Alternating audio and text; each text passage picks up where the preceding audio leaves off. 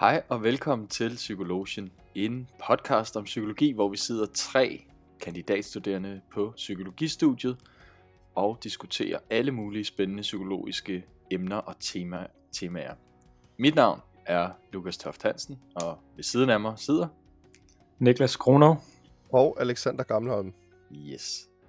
Og øh, vi har jo heldigvis, er vi rigtig glade for en masse øh, gode lyttere, og vi får en masse henvendelser efterhånden. Også fra, vi har mange unge lyttere, som enten går på psykologistudiet, eller har psykologi i gymnasiet. Og vi har faktisk fået flere henvendelser fra folk, der skriver opgaver om psykologi, eller skal op til eksamen. Og, øh, og der har været nogle henvendelser, øh, om vi ikke kunne lave en eller anden form for øh, eksamen, hvor vi ligesom tager udgangspunkt i en case og skal besvare nogle spørgsmål, så man ligesom får en idé om, hvordan man kunne gøre det øh, i psykologifaget. Så øh, det er det, vi skal kaste os ud i i dag, så det bliver rigtig spændende. Ja, det er lækkert med den der tillid, at man sådan, at folk de tror på, at vi faktisk har noget i det, vi siger, og vi ikke bare lukker en masse tom luft ud. Så det er dejligt, kan man sige. Ja, og det finder vi i hvert fald ud af, om vi gør i dag. Fordi Ja, det er rigtigt. jeg er da lidt spændt. Altså, bare man, altså, nu er vi til eksamen. Det, det bliver sådan lidt øh, uh, nervepirrende allerede. Men øh, det er Alexander, der skal være vores sensor og føre os øh, godt igennem. Så jeg giver ordet over Ja. til dig.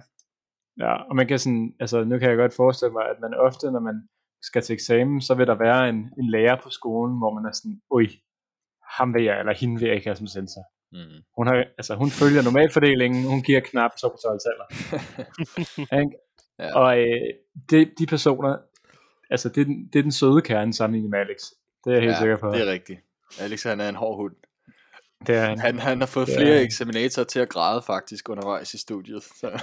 Ja, lige præcis. Lige præcis. Han er den gamle, den, den gamle tro om, at et 12-tal, det svarer til et 13-tal. Ja. Han skal gå ud over pensum for at få en god karakter. Ja, men øh, så er barn jo sat, og det er jo super. øhm, ja, men øh, det er korrekt. Det er mig, der har, har skulle stå for at, at lave en lille øh, case til jer, og så skal vi prøve at køre lidt eksamen i dag. Så som Lukas sagde indledende, så, øh, så har vi altså prøvet at, at lave et afsnit i dag, som skal fokusere lidt på, nu har vi snakket rigtig mange afsnit omkring teori og inden for et emne, jamen hvad, hvad, hvad siger teori om det, og forskning og så videre. Nu vil vi gerne prøve at lave et afsnit, hvor vi rent faktisk prøver at anvende noget af den teori, vi har snakket om, øh, for også ligesom at kunne vise, jamen inden for psykologi, hvordan, øh, hvordan kan man for eksempel så bruge de her psykologiske teorier, vi snakker om, øh, så det bliver lidt praksisnært, øh, så det ikke kun er teori alle sammen. Og det er selvfølgelig øh, bygget på øh, dem, som for eksempel har skrevet ind og spurgt, jamen de skal, de skal selv til psykologieksamen, enten på C-niveau eller, til, øh, eller på, på deres psykologistudie, men det er altså også bare generelt for jer, der også har interesse i forhold til, hvordan kan man gøre noget af det her teori praksisnært, øh, så det ikke bliver så teoritungt. Så, øh, så øh, til at starte med, så øh, kan man sige, så har jeg prøvet at, at finde den her øh, case her, eller lave den her case, øh, og det, det er lidt sværere, end man, man, øh, man lige skulle tro. Øh, hvis man søger sådan generelt bare på, på psykologi cases, så øh, det har i hvert fald været svært for mig, sådan generelt at finde bare en case, som jeg så kunne tage, og så sige, jamen det her det er en case for det og det og det. Øhm, så jeg har simpelthen været ude i at lave et lille mix, hvor jeg har taget lidt fra en case, øh, men så har jeg også selv skrevet på casen. Så den bliver lidt unik på den måde. Og så har jeg ændret navnet øh, på personen i casen, og så kan man jo kalde den lige, hvad man vil at sige, det er en tegn og så videre.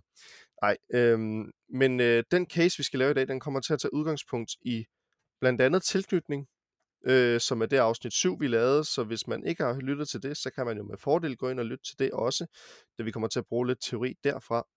Så kommer vi også måske til at bruge noget kognitionspsykologi, så den kunne også være god at, at lytte til.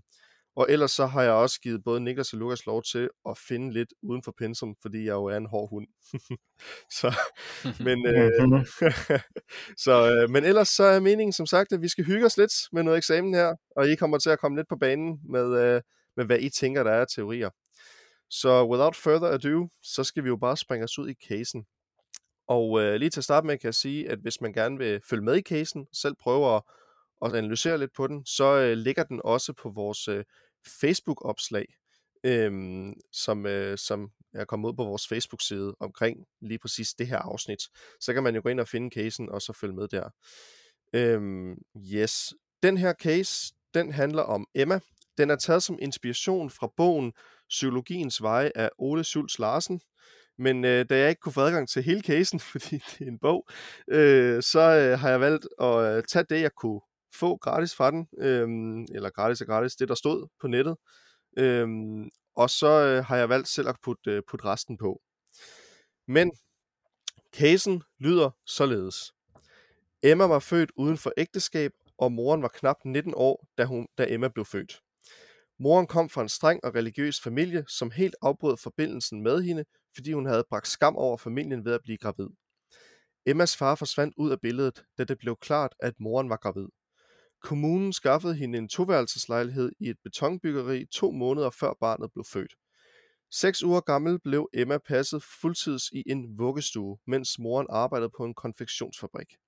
Moren blev stadig mere og mere deprimeret, og seks måneder gammel, eller da Emma var 6 måneder gammel, blev hun anbragt på en spædbarnsinstitution, mens moren blev indlagt på en psykiatrisk afdeling.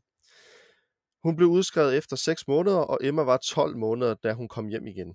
Familien levede nu af socialhjælp og børnebidrag fra Emmas far og klarede sig nogenlunde økonomisk. I midlertid isolerede moren sig fuldstændig med barnet i den lille lejlighed.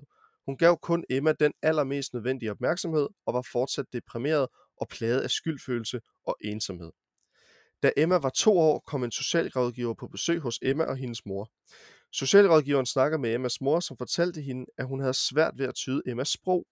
Emma græd hele tiden, selvom hun hverken var sulten, tørstig eller havde lavet afføring i blæen. Hun havde lært at gå, men kunne ikke tale endnu. Samtidig udtrykte moren, at hun havde svært ved at komme i kontakt med Emma. Hun beskrev, at Emma ofte udstødte høje lyde eller sad over i et hjørne og rokkede frem og tilbage. Socialrådgiveren snakkede indimellem til Emma, men Emma havde mere travlt med at kigge op i loftet eller på den legetøjsbil, som lå på gulvet i lejligheden. Emma reagerede heller ikke, når hendes mor snakkede til hende. Socialrådgiveren blev bekymret for Emmas udvikling. Hun fik en fornemmelse af, at Emma ikke havde skabt nogen relationer, hverken til mor eller en anden omsorgsgiver. Derudover viser Emma, øh, viste Emma tegn, ifølge socialrådgiveren, på dysfunktionel kommunikation. Emma blev henvist til psykologisk undersøgelse og behandling. Hendes mor blev rekvireret til en psykolog grundet hendes depressive tilstand. Ja, det er casen i sig selv, og så har jeg sådan set lavet to spørgsmål til jer, hvor jeg nu stiller det første spørgsmål til jer, og så igen, så kommer vi til at, at pingpong lidt, øh, alt efter hvad I har, har øh, at, at gøre godt med. Normalt så er det jo lidt forskelligt i forhold til sådan en case her, hvor lang tid man har. En, en eksamination plejer at være sådan noget med, i hvert fald psykologi C-niveau, der plejer der at være 48 minutters forberedelse og 24 minutters eksamination. Men her der kører vi lidt mere, altså øh, da det jo bare er en, en øh, ja, på en måde lidt en hyggeeksamen, så, øh, så kommer vi til ikke lige at holde præcis 24 minutters eksamination, men mere, øh, fokus er mere på i hvert fald at, at belyse nogle af de ting, der, øh, der er i casen ud fra teori. Det første spørgsmål til jer drenge, det er, eller ja, kommenter samspillet mellem Emma og hendes mor med udgangspunkt i tilknytningsteori. Yes. Det, er lang tid, det er lang tid siden, jeg er blevet kaldt en dreng. Det er sikkert. og nu over til jer mænd. Øh, yes. Øhm, jamen, hvad tænker I? Øh, nu har I øh, haft lidt tid til at forberede jer i forhold til den her case her. Og ud fra tilknytningsteori, det samspil, der er mellem moren og Emma, øhm, er der nogen, der øh, har lyst til at starte i forhold til, hvad de tænker? Ja, det kan jeg godt. Øhm, jamen, øh, tilknytning, det er jo sådan det følelsesmæssige bånd, øh, der er mellem barnet og så den primære omsorgsperson, eller de primære omsorgspersoner. Og vi talte i afsnittet om tilknytning om Bowlby, øh, som fortalte lidt om de her generelle overlevelsesstrategier, som barnet bliver født med, øh, hvor det handler om at søge tryghed og tilknytning hos moren, Øh, så det vil sige, når barnet kalder eller udtrykker et eller andet behov for opmærksomhed øh, gennem sådan gråd eller øjenkontakt, så, øh, så er responsen fra moren vigtig for, hvorvidt barnet ligesom kan opbygge det her bånd, øh, og barnet kan stole på, at, at dets, dets behov ligesom bliver hørt. Øh, så der skal være sådan en vedvarende, øh, vedvarende og entydig støtte fra den primære omsorgsperson i særligt den første tid, øh, den første leveår. Øh, og den interaktion mellem Emma og hendes mor, som vi ser, øh, som ikke virker helt optimalt. Det kan skyldes flere ting, der er gået galt i den her tilknytningsproces. Øh, så altså de første seks måneder af Emmas liv, det, det udgør de første to faser af Bowlbys øh, tilknytningsteori. Det er det, der hedder pre-attachment og attachment in the making.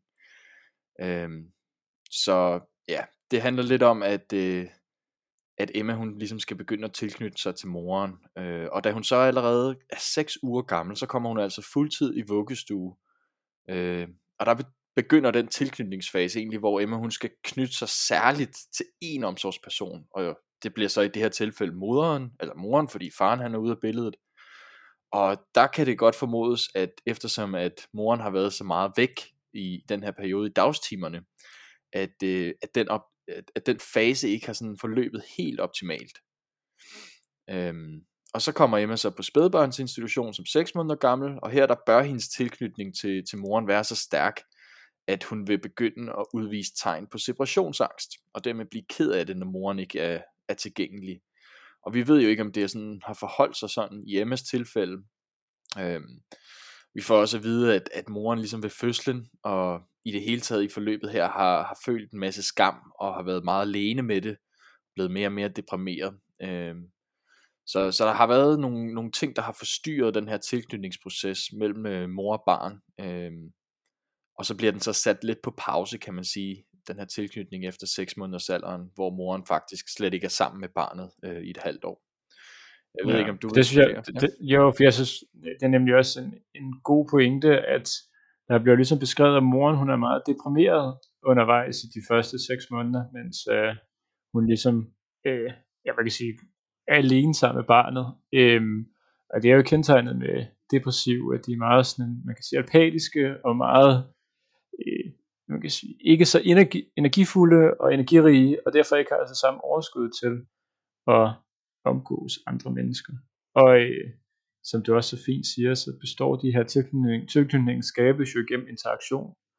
Så øh, når man sådan er deprimeret og ikke har overskud til interaktion, og samtidig er barnet afhængig for at udvikle sig korrekt, at det får interaktion, så sker der et eller andet koks der, en eller anden knude, som, øh, som jeg kan, man kan sige, man kan se i, eller forestille sig i MS tilfælde har betydet, at hun har haft nogle, hun, at hun får nogle tilknytningsproblemer senere. Mm. Ja, og hun skulle gerne, Emma, øh, opbygge sådan en præference for en omsorgsperson, og det, det virker ikke helt sådan øh, her efter to år, som om at, at Emma hun viser tegn øh, på, at hun er, hun er stærkt eller godt sikkert tilknyttet til moren. Øh, hun har, vi ser de her manglende underudviklede sproglige evner, og øh, hun har sporadisk gråd, og sådan generelt manglende samspil med moren, og, og der findes jo de her forskellige øh, tilknytningsstile, som man kan snakke om, som vi også var lidt inde på. Øh, det kan jo godt umiddelbart virke undgående, som en undgående tilknytningsstil af Emma, øh, ikke forsøger at komme i kontakt med mor, men, men vi ser altså også mange tegn på den desorganiserede tilknytningsstil, som er, som er mere kendetegnet ved, at barnet udviser modstridende og uorganiserede forsøg på at komme i kontakt med moren. Øhm, og hun kan være, Emma kan være meget utrystelig, og øhm, der er ikke noget system for, hvordan hun forsøger at kommunikere med moren og den omsorgsgiver. Altså der er ikke rigtig, barnet virker ikke rigtig sikker på, hvordan øh, og til hvem det ligesom kan søge den her hjælp og støtte. Så, øh, så det, det virker yeah. som om, det kunne være en desorganiseret tilknytningsstil, hun har. Ja, jeg er faktisk øh, uenig i den. Mm. Øh, fordi at det er kendetegnet ved den desorganiserede, at barnet ofte ikke græder. Og øh, der ses i casen, at hun græder sindssygt meget. Så jeg vil sige, at den er mere over i den afvigende, som du også nævner til at starte med. Fordi at øh, den er ligesom konkret kendetegnet med, at når forældrene er til stede, så reagerer hun på nogenlunde samme måde, som når øh, forældrene ikke er til stede, og når fremmede er der, reagerer de på nogenlunde måde, som om at de også gør over forældrene. Der er altså ikke en, altså der er altså ikke lavet en tilknytning endnu i forhold til præference over til, mor, frem for, eller til moren frem for ved fremmede. Og der bliver beskrevet, konkret beskrevet i casen, at Emma og socialrådgivernes øh, man kan sige, forsøg på at komme i kontakt med Emma sker på nogenlunde samme måde. Øhm, ja. Ja, så der vil jeg, altså jeg vil, jeg vil sætte mit flag i den afvigende frem for den desorienterede. Ja, det kan jeg Også godt fordi, forstå. at, ja. øhm, Også fordi at sådan, så er meget kendetegnet ved sådan en, jeg kan sige, ja, meget sådan emotionel manglende måde at være på hos barnet. Det er sådan, det er sådan en, en radikal udgave af den afvigende, øh, hvor at barnet bare sådan ikke viser nogen ting. Der er ingen grød, og der er ikke nogen emotioner, når man går mod forældrene. Man er bare sådan i, man kan sige, et neutralt stemningsleje. Man er bare i det. Man er bare monoton generelt. Øhm, og der kan man sige, der udviser hun jo i hvert fald nogle, jeg kan sige, en lidt større grad af emotioner i form af grød. Ja. Ja. Ja, så det ved jeg ikke, om du... Øh, det var i hvert fald øh, det var min tanke i forhold til de her tilknytninger. Jeg vil, jeg vil placere fladet længere i afvigende, fordi den konkret, man kan sige, hun er konkret bare... Altså hun græder, som er modsigende den desorienterede, og så øh, responderer hun til, den, øh, til forældrene og til øh, øh, hvad kan jeg sige, socialgiveren på samme måde. Jeg kan øh, altså, øh, hvis jeg lige skulle, øh, eller jeg, følte, jeg tænkte, jeg lige ville, ville afbryde bare for at sige, at øh, det var faktisk også meningen at lægge en lille fælde for jer i forhold til de her tilknytningsstile, øh, for netop at I skulle øh, blive lidt i tvivl om, hvorvidt det var den afvigende eller den desorganiserede. Man kan sige, at, øh, at der, altså, man kan tale for og imod begge dele, og det er jo det, I gør, og så bruger I faglig argumentation for at tale ind for den ene eller den anden. Øhm, man kan sige, at den desorganiserede, der, der er flere tegn, der vil vise det i forhold til den måde, Emma bliver placeret på.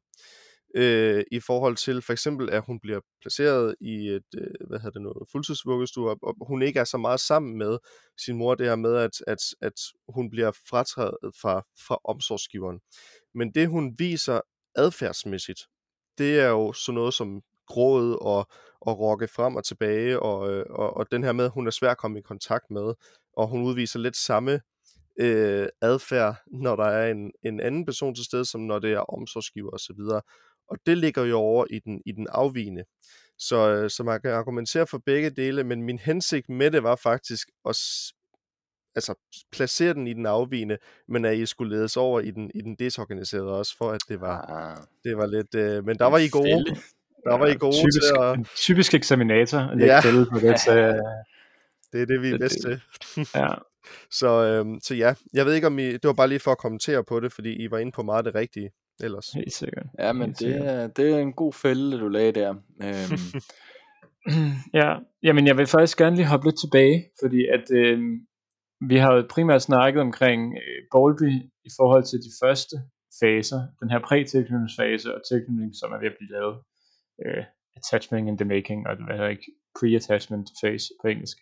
Men der er jo først den næste fase også, som hedder clear cut attachment phase, hvor at øh, man kan sige, som går fra 6 måneder til 2 år, som er jo præcis det, vi har her i casen, øh, er, at Emma hun nu er 2 år, og vi ser hende også som 6, 6 måneder. Øh, og den her fase er kendetegnet ved, at øh, man kan sige, at babyen, eller den unge øh, Emma, hun udviser separationsangst, når moren er væk, og hun er bange for fremmed, og øh, hver eneste gang moren hun bevæger sig lidt ud, så prøver barnet at gå efter hende, for ligesom at holde hende tæt, og klæber sig til hende, og bruger hende til at udforske verden. Og det er jo præcis en ting, vi overhovedet ikke ser i den her case. Øhm, vi ser, at Emma, hun er ikke, hun er ligeglad med fremmede, socialrådgiveren må gerne være der, hun registrerer hende ikke, hun opsøger ikke moren og prøver at udforske den her nye fremmede med moren som holdepunkt, med moren som fundament og anker i forhold til at øh, have en form for tryghed. Så altså sådan, det tyder meget på allerede, altså her i toårsalderen, at der har været en, øh, man kan sige, der er sket en, en fejl i tilknytningen. Der, det ligner allerede, og det kan man sige, det snakker vi også om i forhold til Ainsworths, at det var nok den afvigende eller den øh, hvad hedder den anden, den hedder desorganiseret, at, at allerede nu her ved torsalderen ser vi, at der er sket fejl, og at der er sket en, en, man kan sige, en tilknytning, der ikke er, som den burde være. Yes. Har du, øh, har du andet at tilføje til den, Lukas? Øhm. Øh, nej, altså, jeg tror, øh, Niklas sagde det meget godt, det her med, at, øh, at der skal vi ligesom altså, der skal være en sikker base for det her barn, øh, som så vil være en primær omsorgsperson, moren, og det, det samspil, det skal ligesom udspille sig tydeligt, også når der kommer, som Niklas siger, en fremmed, eller der sker noget, så skulle barnet gerne være nysgerrig og opmærksom på, på det nye, øh, men med den tryghed og sikkerhed i, at moren ligesom støtter øh, Emma i, øh, i det, der sker omkring hende. Og det virker ikke som om, at øh, Emma, hun, er, hun ligesom opsøger det, øh, eller er tryg ved, at moren ligesom vil støtte hende og lede hende igennem øh, de ting, der foregår omkring hende. Så, øh, så der er i hvert fald ikke, og, og det er jo også det, moren giver udtryk for, at øh, hun har svært ved at komme i kontakt med Emma. Øh, det, der er ikke rigtig den, øh, den, det bånd og den tilknytning, der, der skal være på det her tidspunkt. Øh, ja. Nej, det er det. Nej, det er det. Det er svært at bruge et, øh, et fagterm, for det kan alle eksam- eksaminatorer jo rigtig godt lide. Så, er det jo, så skal barnet gerne udvikle nogle indre arbejdsmodeller, som er Bowlbys tanke omkring, hvordan barnet udvikler sig.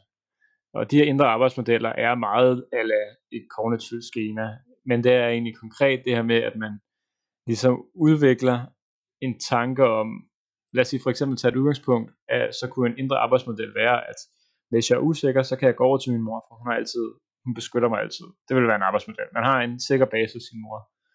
Men, øh, men casen tydeliggør, at øh, det vises i hvert fald tydeligt, der bliver beskrevet tydeligt, at Emmas indre arbejdsmodeller er dysfunktionelle i en ret høj grad.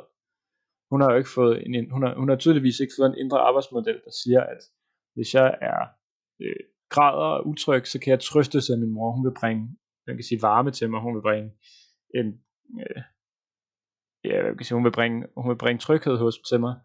Øh, og øh, den, at den arbejdsmodel har hun ikke fået. Hun har dermed fået en, måske en arbejdsmodel, hvor sådan, at, øh, øh at, sådan, at der ikke er nogen relationer, at hun, øh, at hun egentlig er for sig selv, og at der ikke rigtig er nogen omkring hende til at vise varme.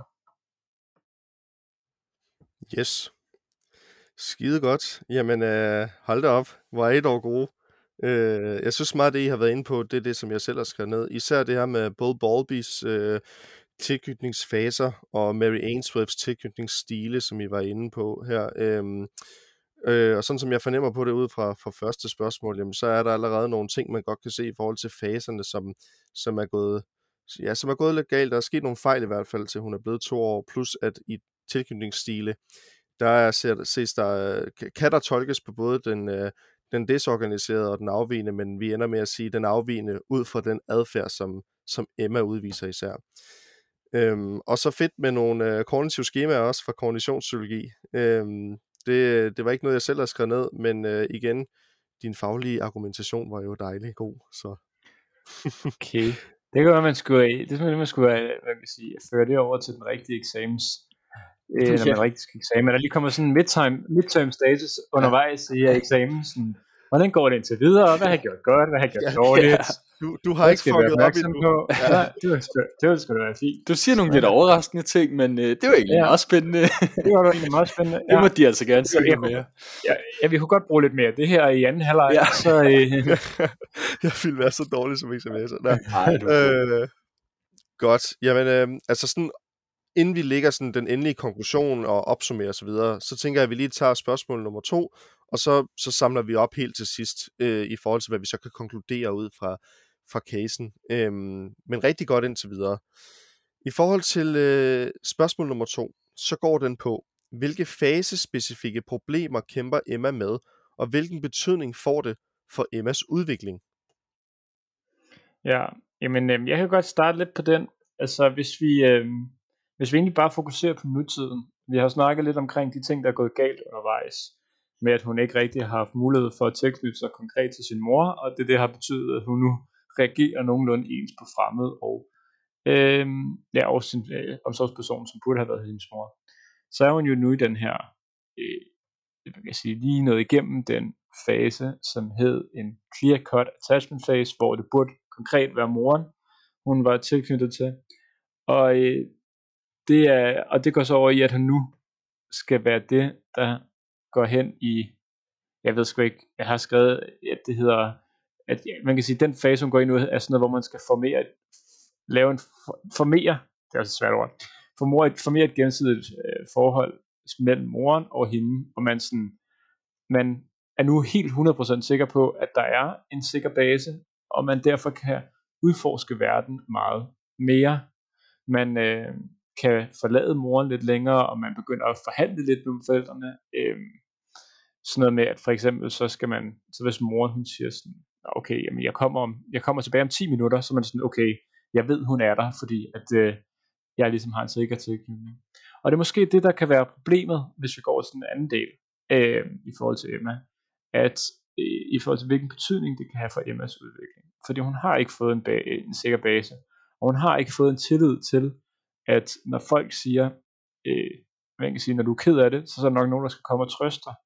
Og hun har ikke fået en tillid til omverdenen omkring, at øh, hvad kan man sige, at det er et trygt sted, og at der er plads til Emma, og der er plads til hendes nuanceringer, og plads til, at hun er ked af det, og plads til, at hun er glad, og der er altid nogen, der vil tage hånd om hende. Så den udvikling kan jeg forestille mig kommer til at blive taget med senere hen, og betyder rigtig, rigtig meget, både i forhold til udvikle kammerater, fremtidige kærester og alt muligt. Yes. Øhm, så konkret, så øh, kæmper hun meget med det her med, hun kæmper meget med, ja egentlig alle tilknytningsfaserne, fordi hun ikke rigtig har fuldført nogen af dem nu. Men konkret kæmper hun meget med det her med, at hun ikke har skabt sig en omsorgsperson, og derefter, derfor ikke rigtig har formået at få en sikker base, hun kan falde tilbage på. Hmm. Ja, øh, det er jeg faktisk øh, meget enig i. Øh, der er flere problemer, altså nu, nu er Emma to år gammel, og hvad er det for en fase, vi, vi er på? Øh, og der findes jo flere udviklingsteorier, udviklingspsykologiske teorier. Vi kan i hvert fald se, at sproget det er underudviklet. Og så Niklas han fortæller også lidt om det her følelsesregulering i forhold til, hvad Emma kan, hvordan hun afstemmer sine følelser og sine behov. Øh, den stabilitet, den, den ser også ud til, at hun ikke helt er på det niveau, hun skal være på. Det sociale samspil med moren. Øh, og så den her selvbevidsthed, altså omkring toårsalderen, der skal man gerne begynde at danne en idé om, hvem man selv er, og det har Niklas også været lidt ind på, de her øh, kognitive øh, repræsentationer. Øh, Piaget har jo også øh, de der udviklingsfaser, hvor at man som toårig vil gå ind i den, det præoperationelle stadie, øh, hvor øh, man begynder som barn at, at lege, altså sådan, har en, en symbolsk interaktion med omverdenen, så fordi barnet har ligesom nu en forståelse af en selv. Barnet begynder også i sit sprog og i sin faktisk tankegang, som jo hænger sammen med sprog, at det kunne sige mig og jeg, og forstå hvem jeg er i forhold til mor. Øh, og det, det Niklas siger med, hvis mor er væk i 10 minutter, er det så okay? Øh, at, at man ligesom har en forståelse af, hvad, hvordan tingene hænger sammen, øh, og man begynder at udforske de her ting gennem leg. Og der kan man jo også være bekymret for, hvis der ikke er indtil videre det her samspil mellem mor og barn, om, om, om øh, Emma hun så ikke er på det stadie endnu, hvor hun kan begynde at få det samspil med, med jævnaldrende, øh, og udfolde ligesom, og udforske sine handlemuligheder øh, gennem leg og fantasi. Øhm, og, og, og det er, altså der findes jo flere forskellige teorier på det her. Man kan også nævne Vygotsky med den nærmeste udviklingszone, øh, hvor det virker som om, at Emma er en lille smule bagefter fra start i forhold til kommunikation, i forhold til forståelse af sig selv. Øhm, og, det, og det gør, at, det, at hun sandsynligvis vil have lidt sværere ved at komme, øh, komme godt ud af det med, med andre også, øh, fordi hun ikke har de her basale bånd knyttet øh, til sin mor endnu. Mm. Ja, så det jeg hører meget af at sige, der igen, I bruger nogle, nogle gode øh, teorier og så videre øh, til, at, til at bakke op omkring det, I siger. Men det jeg kan høre lidt fornemme lidt på jer, det er, altså hvis man sådan skal opsummere, så det er meget det her med de her, at hun måske er lidt, lidt øh, hvad skal man sige, underudviklet og måske lidt tilbage i forhold til den alder, hun er, og hvor hun burde være i sin fase, så er hun måske faktisk i en eller to faser eller stadier bagud, Altså hun er, hun er underudviklet. Er det, er det rigtigt forstået? Ja, altså, ja, det er altså sådan, hun er jo, jeg kan sige, jeg er jo ikke engang, altså jeg kan jo næsten så argumentere for, at hun ikke engang er kommet igennem den første fase, som løber fra fødsel til 6 uger. Altså det virker ikke som om, at hun, øh, ah, det kan godt være, at hun kan genkende sin mors duft, ansigt og stemme. Men, men ja, altså det virker ikke som om, hun på nogen måde er øh, har tilknyttet sig i en omsorgsperson. Øhm, hvilket også er gennemgående for den afvigende tilknytning, så var den vi snakkede om i starten, at Emma hun lider under. Øhm, så ja. Ja, og, og, det, og det er sådan en vigtig forudsætning, at man, øh, man, man knytter det her bånd for ligesom også på det nuværende tidspunkt at begynde at forstå sig selv. Omkring toårsalderen her, der skal børn gerne kunne efterhånden genkende sig selv i et spejl og vide, at det er dem, de kigger på. Og alt det her, det fordrer jo, at man kan begynde på det, der hedder mentalisering. Øh, altså man begynder at forstå sig selv og andre. Forstå øh, for eksempel morens behov og ønsker. Altså hvordan skal jeg, hvad skal jeg gøre for, at min mor hun bliver glad, og hun øh, roser mig og synes, at jeg er god. Øh, og det og det er alle de her ting, som, øh, som ikke rigtig er i gang med at blive udviklet endnu. Og derfor så, øh, så er der altså en masse ting, grundlæggende ting, som ikke er blevet øh, arbejdet ordentligt med endnu, som, som øh, Emma hun kan have lidt længere tid med lige at skulle, skulle arbejde med. Ja. Mm. Ja, og, og de her ting her, som gør, at hun har, har svært ved, altså sådan er måske lidt bagefter i forhold til udvikling og så videre, det tænker jeg, det er jo også noget, der så har en betydning senere hen i forhold til de, øh, det miljø og de relationer, som hun kommer ud for, eller det sociale miljø, som, som hun så møder senere hen, ikke?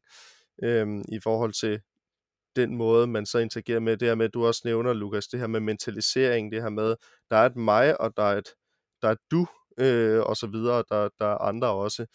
Øhm, og så, øh, så har jeg, ja, altså igen, jeg ved ikke, om I har mere, eller så har jeg jo bare opsummering i forhold til, hvad jeg selv har tænkt os, og så videre. Jeg synes, jeg har været inde på meget af det, jeg selv har sagt, eller har skrevet ned, øh, i forhold til, til teorier. Ja, altså jeg tror ikke, altså der er jo selvfølgelig rigtig, rigtig mange ting, man kan, man kan sige, og også mange ting, vi ikke er nået omkring endnu. Øhm, og jeg vil også, vi har nok også nævnt nogle ting, vi ikke tidligere har gennemgået i psykologien, øh, som måske kræver lidt forforståelse for at kunne have, have hvad kan jeg sige, have fulgt med på.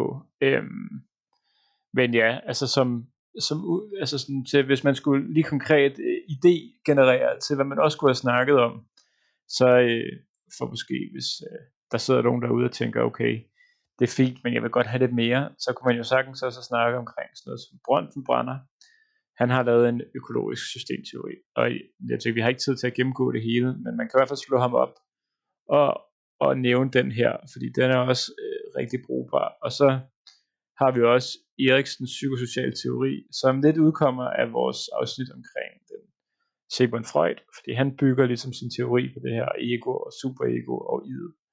Øhm, og det er i hvert fald to oplagte teorier, som vi ikke er nået omkring nu, som man måske også kunne trække ind over, hvis man selv vil sidde og lege lidt med det. Og øh, måske også kunne til eksamen i det, fordi at det jeg er også ret sikker på, at noget, der bliver gennemgået på gymnasieniveau.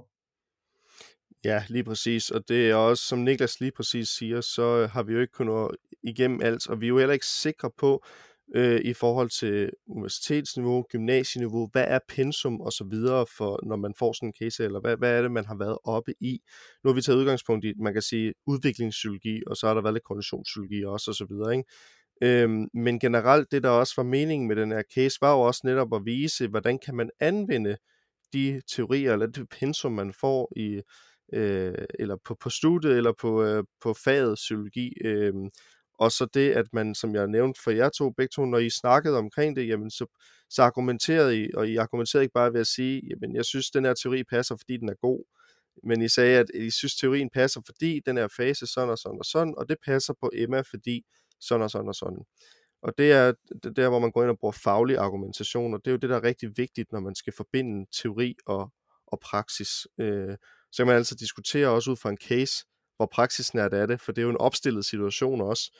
Øh, men det er jo for at give en, et, et blik, indblik i, hvordan kan praksisnært øh, situation se ud, og hvordan kan vi så bruge de teorier, vi jo sidder og læser om, fordi der er jo en grund til, at vi sidder og læser om dem. Øh, men hvis vi skal opsummere, så, øh, så synes jeg, at jeg har været inde på rigtig meget af det gode. Jeg har været inde på de her tilknytningsstile og tilknytningsfaser.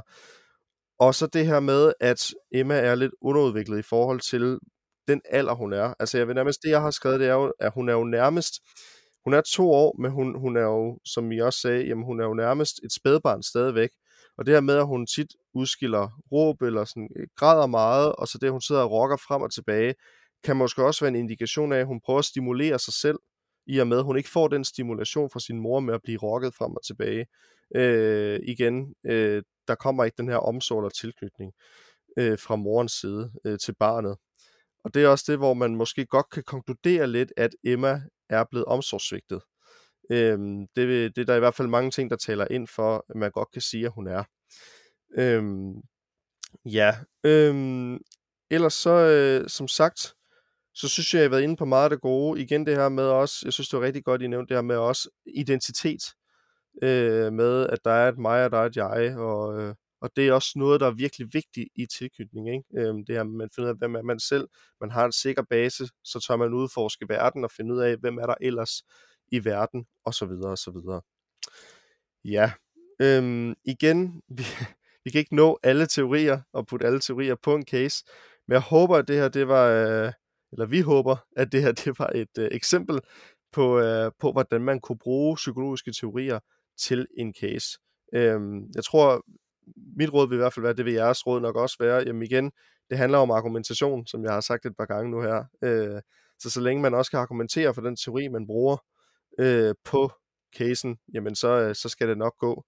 Øh, og så håber jeg også bare generelt, det har været ja, interessant for alle, der, der lytter med, i forhold til, hvordan man kan bruge te- øh, psykologiske teorier på øh, noget praksisnært. Ja, helt yes, sikkert. Men... Det gør jeg også. Åh, oh, undskyld. Øh, men nu, Nej, det jeg, jeg tænker bare, at det var også interessant for mig i hvert fald at være med til det her, fordi øh, vi, vi, altså især på universitetet, ikke, og, og også i den her podcast, så sidder vi og, og, og taler om teori, og sådan helt generelt sporadisk, hvad, hvad kan man nogenlunde sige om det her begreb? Øh, og det er jo sådan meget, vi, sådan vi, jeg arbejder på universitetet, men det er også spændende at få det lidt mere jordnært og prøve, fordi det er i virkeligheden desværre, når der så kommer en klient, eller kommer et barn på to år, der hedder Emma, og har de her problemer, øh, hvad skal vi så bruge teorien til, og hvad kan vi gøre? Øh, nu er vi så ikke kommet så meget ind på de interventioner, man kunne, man kunne gøre over for, for Emma og hendes mor, men, men øh, vi er alligevel kommet lidt ind på, hvordan vi kan overføre teorien til virkeligheden, og det, øh, det er faktisk noget af det sværeste. Det er også derfor, at øh, vi, vi kan sidde og argumentere lidt for og imod nogle forskellige ting, øh, vi ser. Øh, men øh, jeg håber også, at det, at det har været spændende at følge med i, øh, hvordan vi bruger den her teori.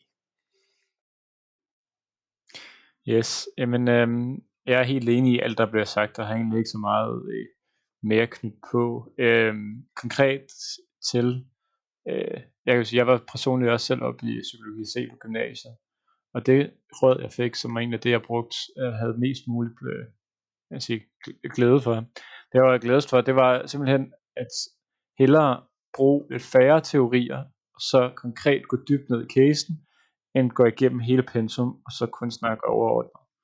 Og øh, det er måske også derfor, vi ikke når igennem, altså vi har nået igennem rigtig meget, og øh, man kan sige, nogen kunne måske også have argumenteret for, at vi skulle have taget flere citater ud fra casen, men vi har alligevel ikke taget så overordnet, at vi har nået alt pensum overhovedet, for ligesom at nå alt. Så øh, man kan sige, det er i hvert fald også en, en, en erfaring, jeg har taget med igennem øh, diverse eksamener igennem livet. Det er simpelthen, at det altid er vigtigere at gå i dybden, frem for at gå i bredden.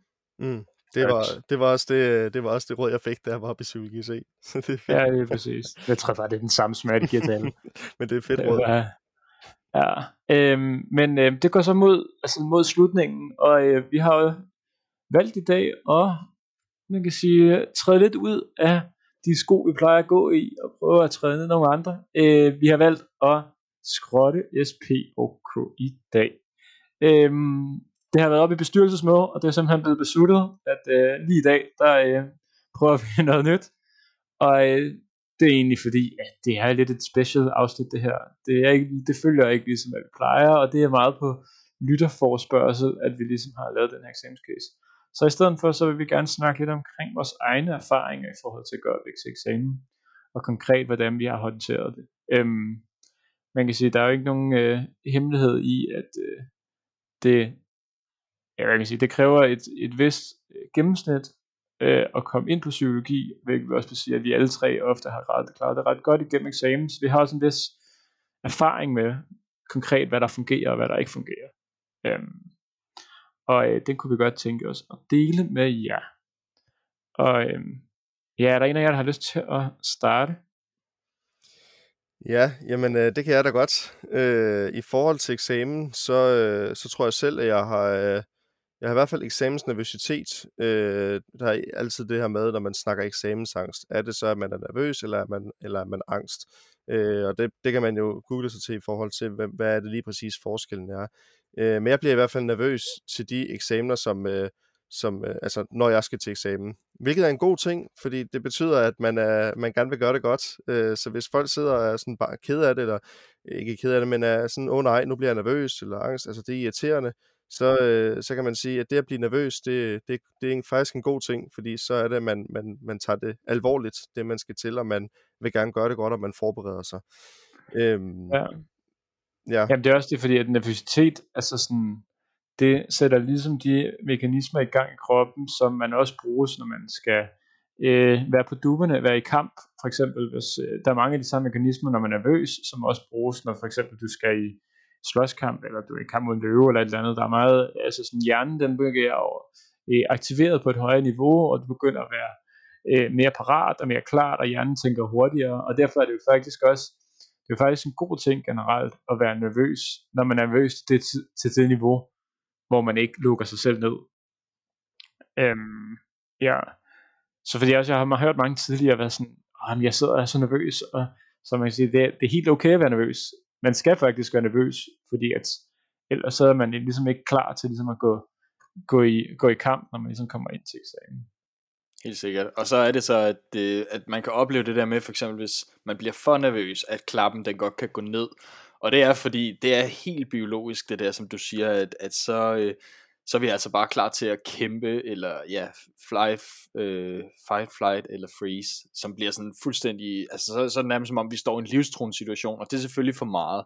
Så man skal selvfølgelig også prøve at finde et eller andet niveau øh, af nervøsitet, øh, og der kan man jo, altså, hvad, hvad der lige fungerer for en, at drikke noget vand, eller øh, lave nogle vejrtrækningsøvelser, eller bare lige få lidt ro, øh, og tænke, at, at øh, ja, det er trods alt kun en eksamen, og ja, hvad, hvad er ligesom det værste, der kan ske, altså man skal nok komme igennem det, og øh, ja, så det tror jeg, det tror jeg sådan, jeg har det, at jeg prøver ligesom at tage det stille og roligt, og, og tage udgangspunkt i de ting, jeg kan, som Niklas også sagde, altså gå, gå i dybden med det, med det du, du kan, og, og en ting, som du ved øh, noget om, og så, øh, og så de ting, du ikke kan, så må du ligesom tage den derfra og sige, det, det ved jeg ikke, eller et eller andet. Det siger jeg nogle gange til eksamen, hvis jeg ikke ved det. Så siger jeg bare, det ved jeg ikke, fordi så, så kommer vi ligesom videre i det, øh, og tager det ikke så tungt, øh, men tager det ligesom bare stille og roligt.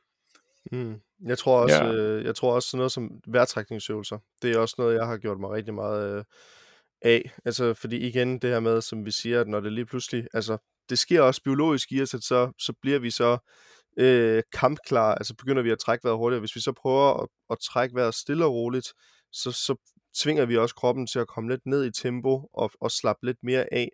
Øhm, og så skal man måske også huske på, at, at eksaminator og sensor, de er der for at, at hjælpe en, selvom det lyder, det lyder, altså, det lyder jo obvious, men, men mange kan jo godt sidde og tænke, for fanden, nu skal jeg ind, og så skal jeg blive hakket ned.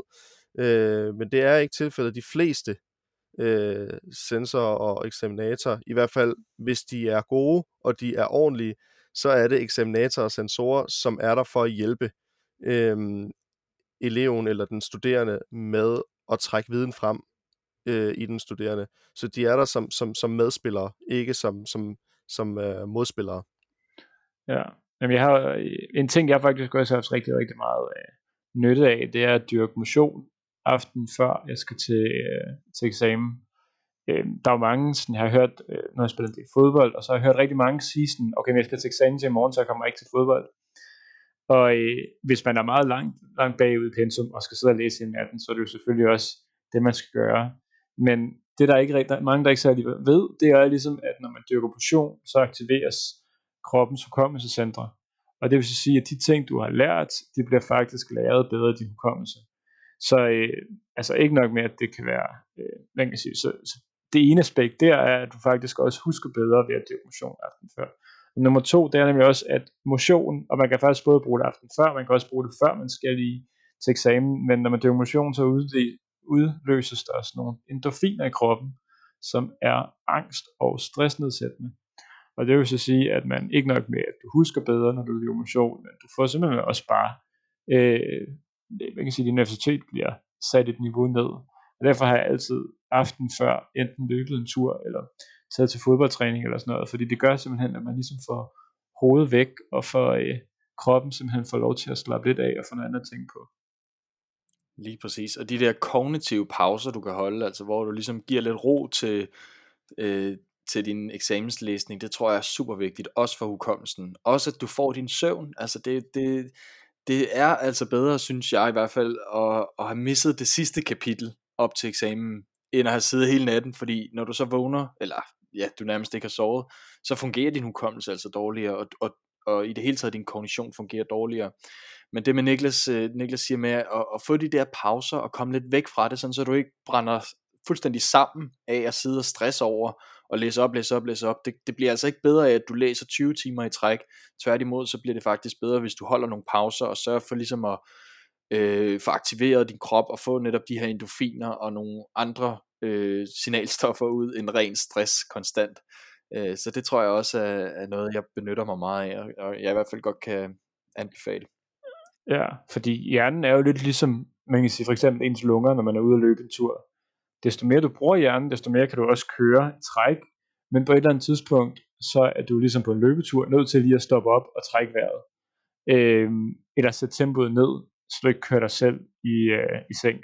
Og det er det samme med hjernen, at den kan ikke bare, den kan ikke bare køre på fuld tryk øh, som et damplokomotiv i 24 timer i træk. Den er nødt til ligesom at have lov til at komme ind på en, ny, ind på en station og få noget benzin på, og lige få lov til at få genopfyldt diverse slikskab og sådan nogle ting, så passagererne kan få noget godt, og så kan man ligesom komme afsted igen, ikke? så alle har det godt inde på. Jeg forestiller mig bare en eller anden, der kører ind på en tankstation, så lige sætter hovedet til benzintanken, så bliver han tanket op i benzin. Ja. Ah, fed råd. Det er altså godt. Ja. Men øh, jeg tror også, vi er ved at nå slutningen. Har I en, en sidste guldkorn, der skal med, før at øh, vi runder af? Øh, tænk på de ting, som vi har sagt, det her med at drikke vand, de fysiologiske ting med at dyrke motion. Kom lidt væk øh, nogle gange fra arbejdet, sådan så at man ikke kører, kører fast i det. Øh, og så øh, en ting, jeg også benytter mig af, det er, husk nu, at når man er færdig med eksamen, damn, det er en fed følelse. Så det kan man også gå og glæde ja. sig til bagefter jo. Og så husk at fejre, at I er færdige. Mm-hmm. Kroppen er fungerer, fungerer på sådan en måde, at den øh, bedst har lyst til at arbejde, når den også får belønning for det, den gør. Ja, den arbejder så, bedst med øl. ja, og det er det. For, for helvede, drukke de øl, når I er færdige, eller gå ud og, gå ud og købe den middag til jer selv, eller hvad fanden det er. Et eller andet. Ja. Det løn jer selv for det gode arbejde, I har lavet. Godt. Det er vi i hvert fald gode til her i psykologen. ja. også, når, også når vi ikke har arbejdet. Se til. Vi skal til at udgive nogle flere gange om ugen, så vi kan fejre det hver gang. ja, præcis. Helt vildt. Jamen øh, med, med den øh, opløftende pointe, så lukker vi øh, stille og roligt af her i Psykologien. Øhm, vi har, øh, som det også blev nævnt i øh, afsnittet sidste uge, så har vi skulle lavet en Facebook-gruppe. Øhm, vi er blevet somi eksperter over natten, og har simpelthen oprettet den her øh, Facebook-gruppe, så I, kære lyttere, kan få et større indblik i lidt ekstra information omkring nogle af de afsnit, der kommer ud og også bare lige få et kort indblik i, hvad fanden det nye handler om, og hvad tankerne bag, bag dem er. Øhm, så kom ind, og, øh, kom ind og like det. Det ligger ind på øh, Psykologien, eller det hedder Psykologien podcast, øh, mellemrum imellem, Psykologien, mellemrum podcast på, øh, på Facebook. Og øh, ellers så øh, gå ind og øh, like os, kommenter os på Apple Podcast. Det betyder rigtig meget. Indtil videre har vi fået rigtig mange gode kommentarer, så det er vi rigtig glade for. Øhm, og hvis man ikke rigtig har overskud til nogle af de her ting, man egentlig bare godt kan lide, bare at have os i ørerne, så er øh, det bedste I kan gøre for os simpelthen at fortælle jeres venner og bekendte om os. Øhm, vi, øh, vores, øh, vores benzin går meget på, at vi har en masse øh, afspændinger, og folk der gider at lytte til os, og øh, vi har været i en eksplosiv udvikling her på det seneste, og det er vi rigtig glade for, men vi er jo store fan af den her udvikling, der ligesom fortsætter. Så øh, ja, med den reklamesnart færdig, så øh, hvad hedder det nu? Så skal du til sidst vise, at vi også har vores e-mail, og det bliver mange ting, jeg kan kontakte os på. psykologisk.odense.gmail.com, hvor man selvfølgelig kan kaste øh, ros, ris efter os, og øh, kommentere, hvis man har nogle ting, vi godt kunne tænke os at have lavet et afsnit om. Godt. Og så tror jeg, vi er nogenlunde færdige fra øh, den her kant. Øh, vi takker mange gange, fordi du lyttede med, og øh, håbede, det hele var brugbart. Øhm, og hvis I har nogle, øh, ja, ja, ikke flere ting. Ikke mere til jer. Jeg tror, vi er done herfra.